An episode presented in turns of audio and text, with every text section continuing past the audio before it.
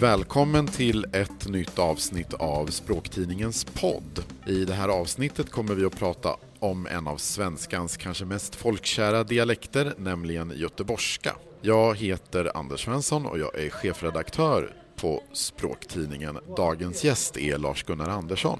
Det stämmer bra det. Gott att vara här.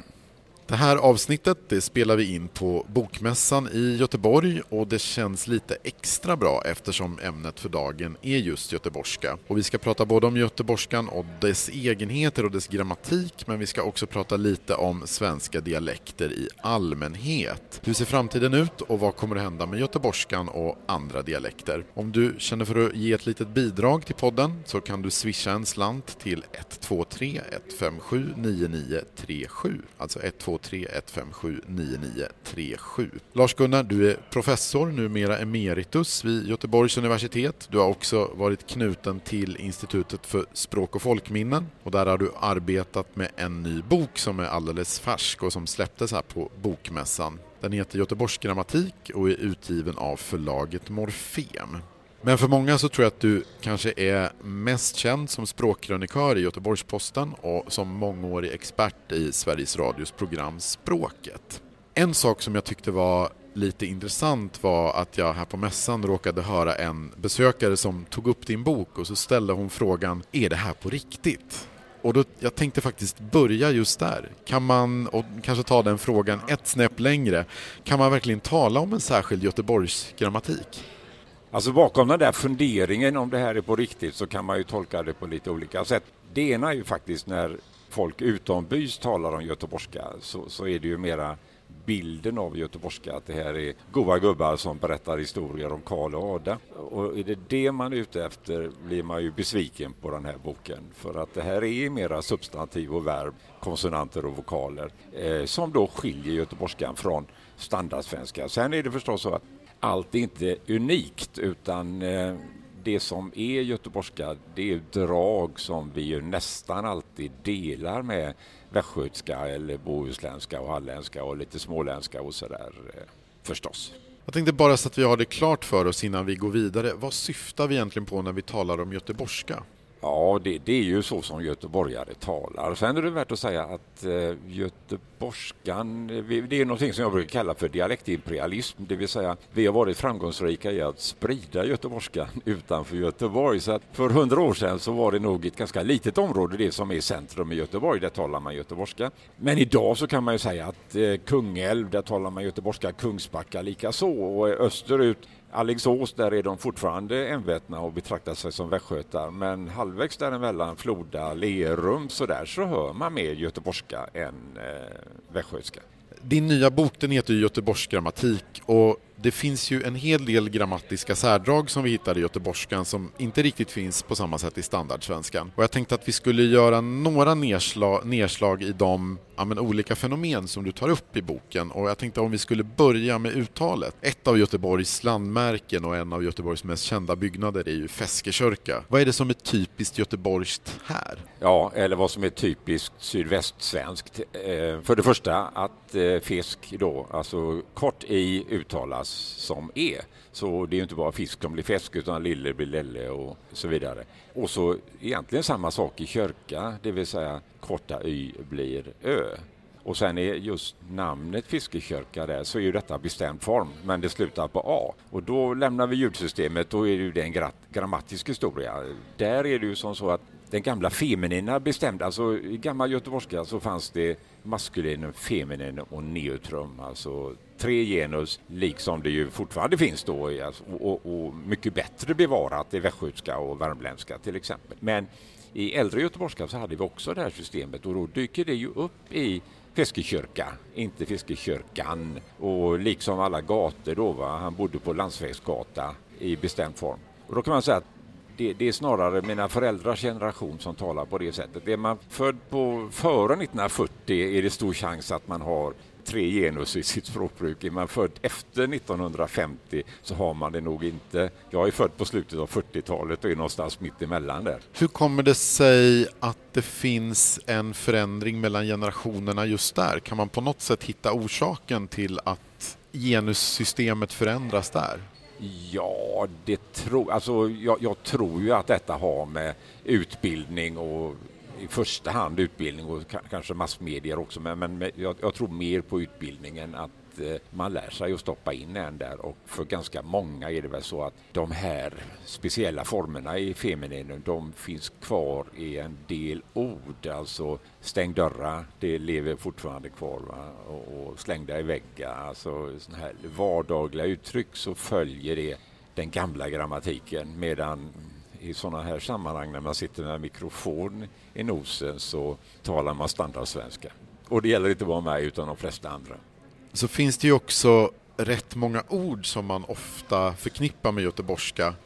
Vi pratade ju här tidigare ja, men om go som i goa gubbar och sådär. Men det är ju inte alltid som go uttalas just som i goa gubbar. Du nämner i boken att förmodligen ingen skulle säga goa gärningar. Eh, finns det en stilskillnad i de här olika uttalen? Ja, på det viset och det är ganska roligt alltså ett, eh, ett ord som slutar på D och har en ska jag säga, en, en stavelse bara. Alltså du tar bröd och röd och död och så vidare. Så i göteborgskan, liksom i många andra dialekter, så heter det bröd och dö. Och om jag tar god då, det här fina uttalet med det, det, det i kyrkan, alltså goda gärningar och, och så, det, det måste vara så.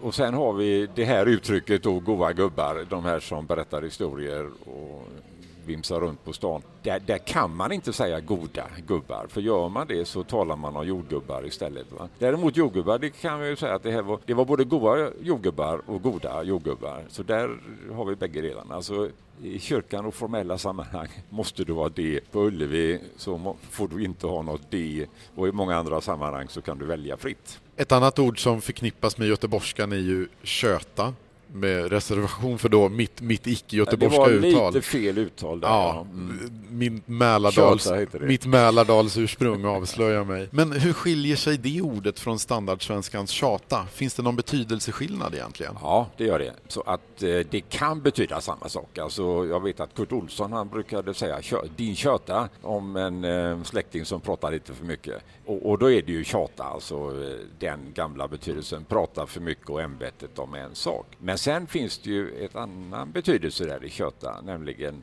gnabbas med sina kompisar. Alltså det, det är ett trevligt sätt att småprata med varandra och möjligen då också vara lite utmanande och lite tyken så här som man vågar vara tillsammans med dem man känner som bäst. Va? Men sen är det värt att säga då att det, det, här, om vi tar uttalet där i köta, så, så är det en ö-vokal. Och det är väl en liten historia jag gör i den här boken att säga att det här är svenskans tionde vokal eller göteborgskans tionde vokal. Alltså vi har ju lärt oss att det finns nio vokaler men jag vill hävda att i göteborgskan har vi tio. Ö är då den här tionde och för att visa det här så kan man ju säga att ja, vi har ett ord lösa som betyder dra benen efter sig. Man lösa på vägen till spårvagnen. Och så har vi ett ord lösa med ett vanligt ö-ljud. Och det där är två helt olika betydelser. Va? Lösa en uppgift och dra benen efter sig. Vi, vi, kan söva någon, få någon att somna, men man kan också ligga och söva och då sover man. Och det finns några sådana här fall där det faktiskt är en betydelseskillnad mellan att stoppa in ett ö och ett ö. Ett annat ord som också ofta förknippas med göteborgskan är ju bamba för skolbespisning. Hur har det bildats? Jag tror att det är en, eh, det heter bamba förresten. Ursäkta att jag klagar så. Ja, det är helt okej. Okay. Eh, jag är rätt säker på att detta är en förkortning av barnbespisning som väl var det formella namnet när det här startade i stor skala och det är faktiskt inte någonting som har funnits hela livet utan barnbespisning, det här ordet, säger att det är 40-talet någon gång men jag har försökt ta reda på detta så är det, då startade den här barnbespisningen på lite vid lite olika tillfällen på olika skolor och att från början var det kanske de fattiga barnen som skulle få mat och nu är det alla barnen. Va? Men bamba, i alla fall på 50-talet så var det allmänt vad det hette och jag kan ju minnas från min skoltid att eh, vi gick till bamba på bambarasten och där jobbar bambatanter och även lärarna kallar ju det här för bamba. Alltså, så det, det, det var inget vardagligt ord utan det var faktiskt vad det, vad det hette Hörs det bara i Göteborg eller har det också så att det har blivit en del av den här som du kallade för dialektimperialismen? Jo då, har det fått en större spridning? sprida bamba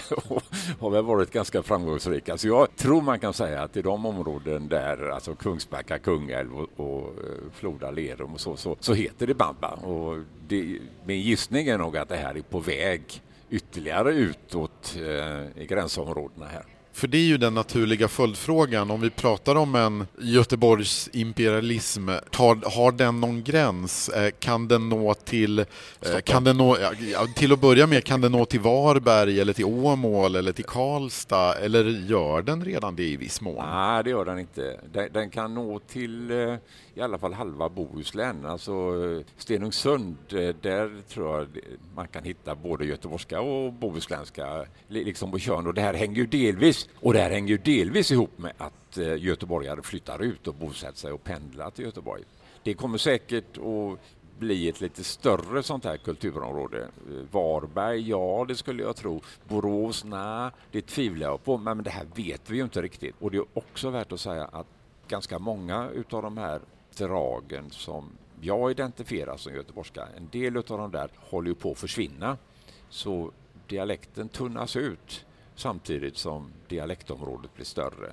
Och, då blir det ju att göteborgskan på något sätt glider in i någon västsvenska som vi då delar på lite större områden. Och man kan ju tänka sig att eh, västgötskan också tunnas ut lite grann och så samsas vi om någonting vi kan kalla för västsvenska. Men jag tyckte du, vad ska man säga, rynkade lite mer på näsan när jag nämnde Åmål och Karlstad här. Att, ja. att göteborgskan skulle ja, nå så långt bort, Kän, känns det osannolikt? Ja, om vi, om vi tar Karlstad så de värmlänningar jag känner de skulle inte gå med på detta, inte en chans i världen. Och Dals, nej, Dalsland tror jag inte heller. Men det är sånt här vi inte vet. Check är ju ett ord som används i göteborgskan på ett lite annorlunda sätt än i standardsvenskan. Vad är det för egenheter som vi ser där? Jag tror att man kan säga lite förenklat så här att över hela Sverige så kan människor vara checka, checka och trevliga. I Göteborg kan människor också vara checka och trevliga, men även bilar kan vara checka. Så jag har en liten checkbil. Och det är en liten bil som är lätt att parkera. Och det kan vara käckt att ta en pizza en kväll. Alltså, det är lite enklare än att stå hemma och laga mat. Så nästan allting kan vara käckt. Kan man säga att det betyder ungefär sig smidig i göteborgska eller något i den Smidigt stilen? Smidigt och enkelt, ja. Men sen ska man lägga till en sak också, nämligen att det finns ett verb checka sig. Och det är inte lika smidigt och trevligt så att det, det är oftast negativt, alltså han bara checkar sig hela tiden. Då, då är man överdrivet trevlig och tillgjort trevlig och skojar lite för mycket.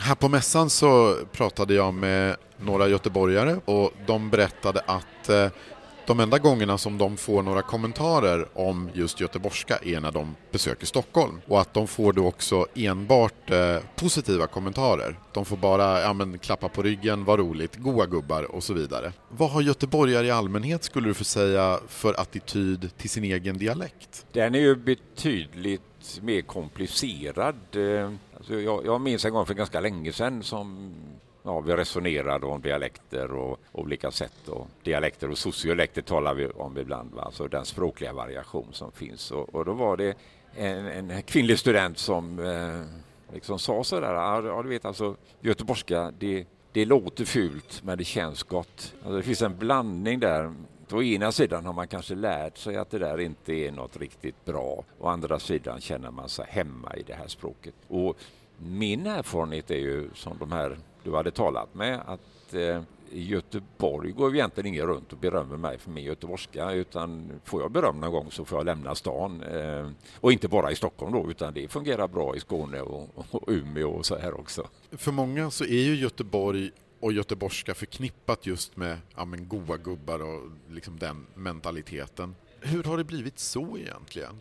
Ja, det är ju svårt att säga, men jag, jag, tror ju att det är teaterscen, revyer och liknande. Det fanns en, Aron Jonasson, en gång i början på seklet som skojade och väl också på göteborgska och sen förknippar vi väl det här ganska mycket till exempel med Sten-Åke Söderhök och Sonja Hedenbratt som hade när, på tv då Låt hjärtat vara med med lite sketcher och det är trevligt och det är mycket enkelt och det är liksom inga komplicerade eh, kulturella termer i diskussionen där och sen har vi den här julkalendern som ju blev omåttligt populär med Albert och Herbert, eh, Sten-Åke Cederhök och Thomas von Brömsen. Så det, det, har nog gjort sitt för att få de här eh, idéerna om att eh, göteborgare går runt och hittar på roliga saker och berättar historier.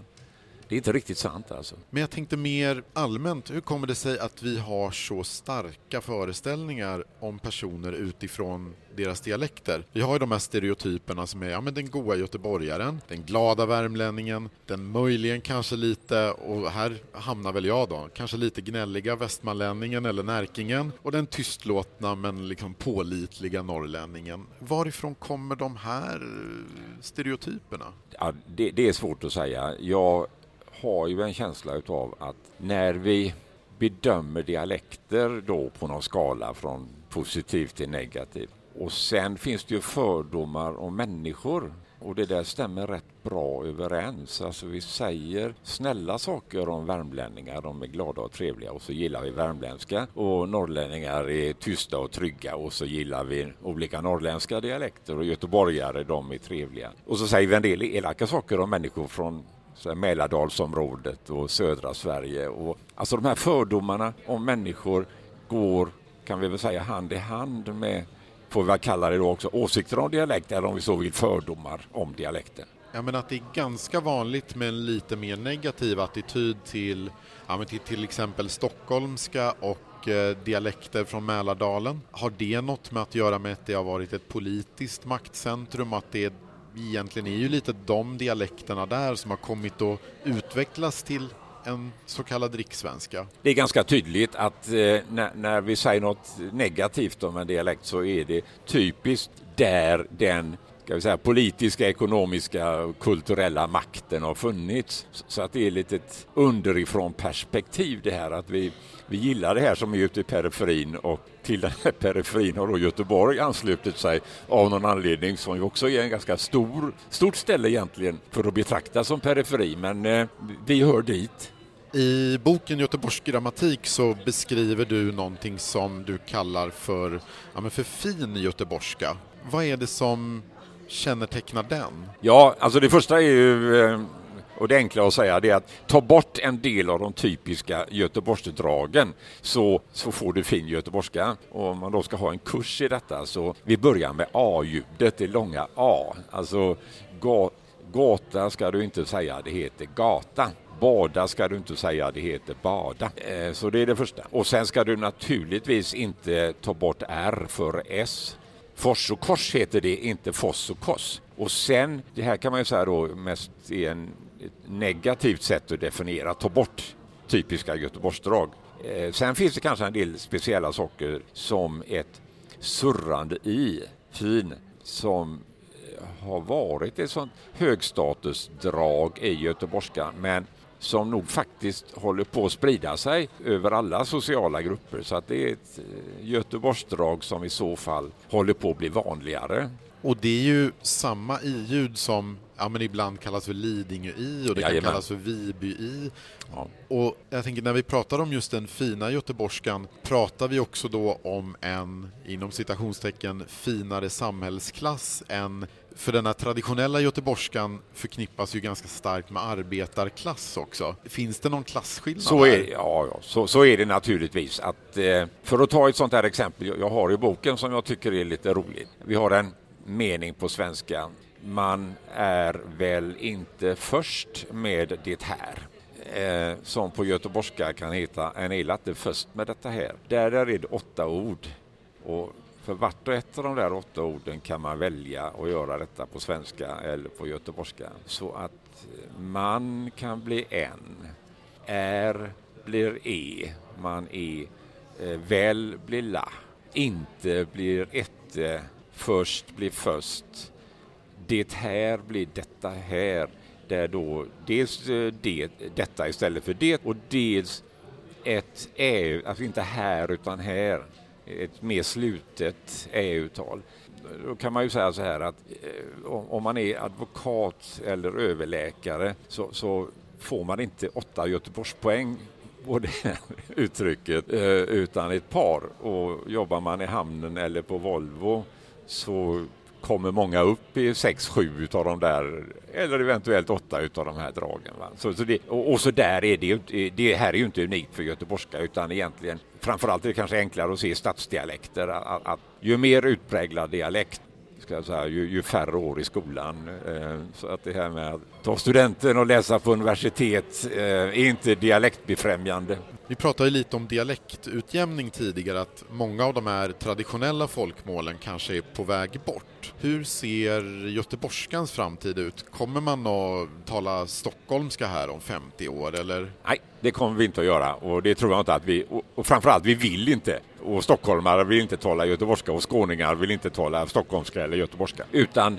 det, det jag tror det, det, är att det kommer att finnas kvar i uttalet. Jag brukar ibland säga så här att uttalet består, grammatiken förgår. Man kommer att höra på satsmelodi, intonation, eh, vokalerna att det här är göteborgska. Där när jag säger grammatiken försvinner så menar jag då böjningsmönster för substantiv och verb och så.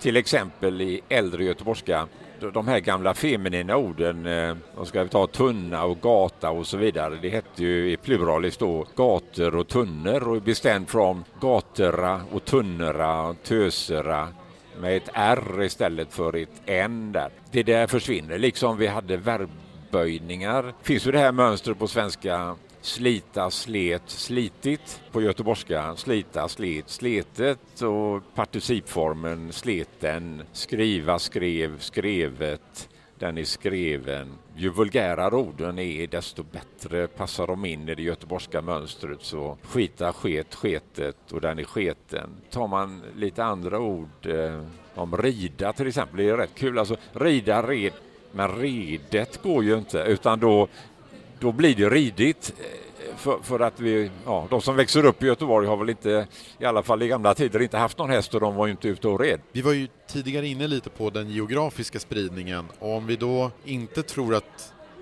göteborgarna kommer börja tala stockholmska, kommer det vara så att boråsarna och allingsåsarna kommer börja tala göteborgska istället? Finns, är det sannolikt om vi pratar på sig 50 eller 100 år framåt i tiden? Nej, eh, men de kommer att ska vi säga, tala, vi, vi kommer att gå mot en allmän västsvenska, såväl göteborgare som boråsare och så kommer vi att mötas någonstans på mitten. Och sen är ju frågan vem som kommer att vinna om vi inte är överens om eh, striden där och då är det fullt möjligt att störst vinner, det vill säga att det blir det göteborgska mönstret där eh, snarare än, än det västgötska. Det har ju skett, tycker jag, också en intressant förändring vad gäller ja, men attityderna till svenska dialekter i allmänhet. Och många gånger så brukar man ju se ja, men att lokalradions tillkomst kanske lite som en Ja, men där började en norm förändras på 70-talet. Att helt plötsligt så dök det upp radiopratare som faktiskt talade dialekt. Det fanns inte längre det här kravet att man skulle tala någon slags standardsvenska för att prata i radio. Och sen så kom, ja, men sen så kom lokal-tv och så vidare. Tror du att en förändrad attityd eller förändringar i medierna, tror du att de har påverkat attityderna till dialekter i allmänhet? Ja, det tror jag. Samtidigt som jag tror att attityder till dialekter i första skedet har påverkat hur massmedierna agerar när de anställer en nyhetsuppläsare som har bakre R till exempel. Det här, där är vi i början på 70-talet då man inte behövde låta som man var uppvuxen runt Mälardalen och talade standardsvenska. Och sen är det klart att lokalradion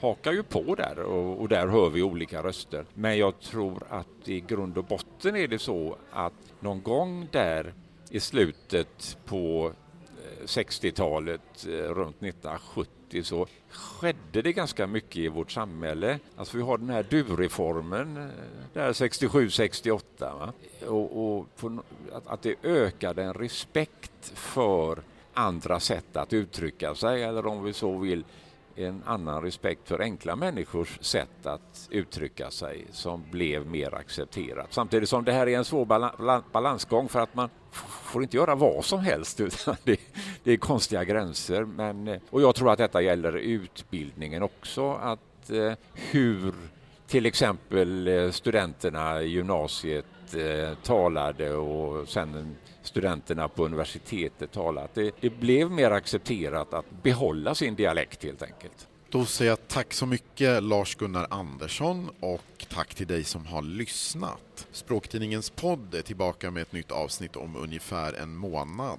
Följ oss gärna i sociala medier. Vi finns på Facebook, Twitter, Instagram och LinkedIn så får du information om nästa avsnitt. Och du kan också hålla dig uppdaterad om podden och en mängd andra språknyheter genom att regelbundet gå in på vår blogg på språktidningen.se. Om du har gillat det du hört så får du gärna swisha ett litet bidrag till 123 157 9937 och beroende på i vilken poddtjänst eller hur du lyssnar på oss så får du gärna ge oss en stjärna eller en tummen upp eller en kommentar eller en recension. Och om du är nyfiken på Språktidningen och vill teckna en prenumeration så kan du gå in på språktidningen.se. Tack så mycket och på återhörande.